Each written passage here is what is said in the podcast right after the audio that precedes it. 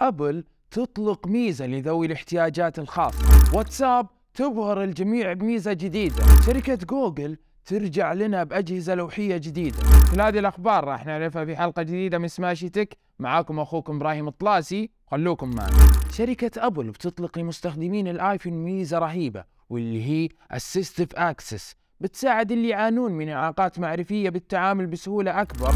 عبر إطلاق ميزة تخلي فاقدين حاسة النطق من التحدث بأصواتهم عن طريق تطبيقاتها أو المكالمات الصوتية على أجهزتهم. من المتوقع بتكون الميزة الجديدة للناس اللي ما يتكلمون الكتابة للتحدث وقت المكالمات والمحادثات باستخدام لايف سبيش وباستطاعة الأشخاص المعرضين لفقدان قدرتهم على الكلام استخدام صوتهم الشخصي لإنشاء صوت مركب يكون مشابه لهم عشان يتواصلون مع أهلهم وأصدقائهم. وبالنسبة للمستخدمين المكفوفين أو اللي يعانون من ضعف في الرؤية بيوفر وضع Point and Speak يحدد النص اللي يشير له المستخدمين ويقرونه بصوت عالي عشان يساعدهم على التفاعل مع الأشياء المادية مثل الأجهزة المنزلية، وطبعا بتتعلم أجهزة الآيفون والآيباد صوت المستخدم بعد تدريب الجهاز عليه لمدة 15 دقيقة بس، الواتساب كل يوم يطلع بشيء جديد، والحين في ميزة جديدة تسمى بالقنوات تتيح إمكانية إرسال رسائل لعدد كبير من المستخدمين. التطبيق بدأ باختبار ميزة القنوات في النسخة التجريبية من التطبيق على آيفون وأندرويد وبتتيح هذه الميزة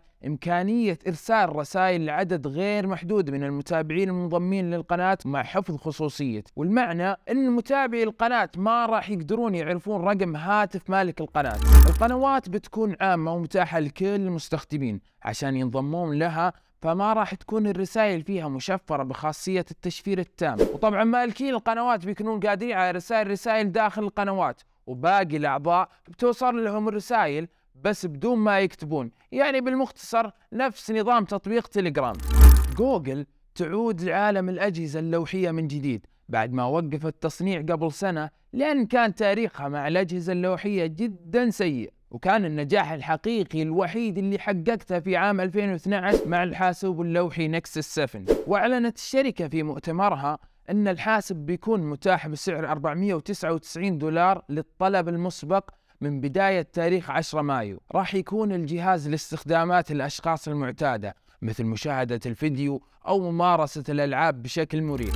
خلونا نعرفكم على مميزات الجهاز. راح يحتوي بيكسل تابلت على شاشة LCD ومعالج تنسور G2 ويقولون إن البطارية تبقى 12 ساعة على وضع التشغيل وفيها منفذ USB للشحن وطبعا فيها أربع مكبرات صوت وثلاثة ميكروفونات لمكالمات الفيديو وكاميرتين واحدة خلفية بدقة 8 ميجا بكسل وقدام في كاميرا ثانية بدقة 8 ميجا بكسل إيش رأيكم بالخبر هذا؟ هل جوجل راح تفشل مثل قبل أو بتحقق نجاحات كبيرة؟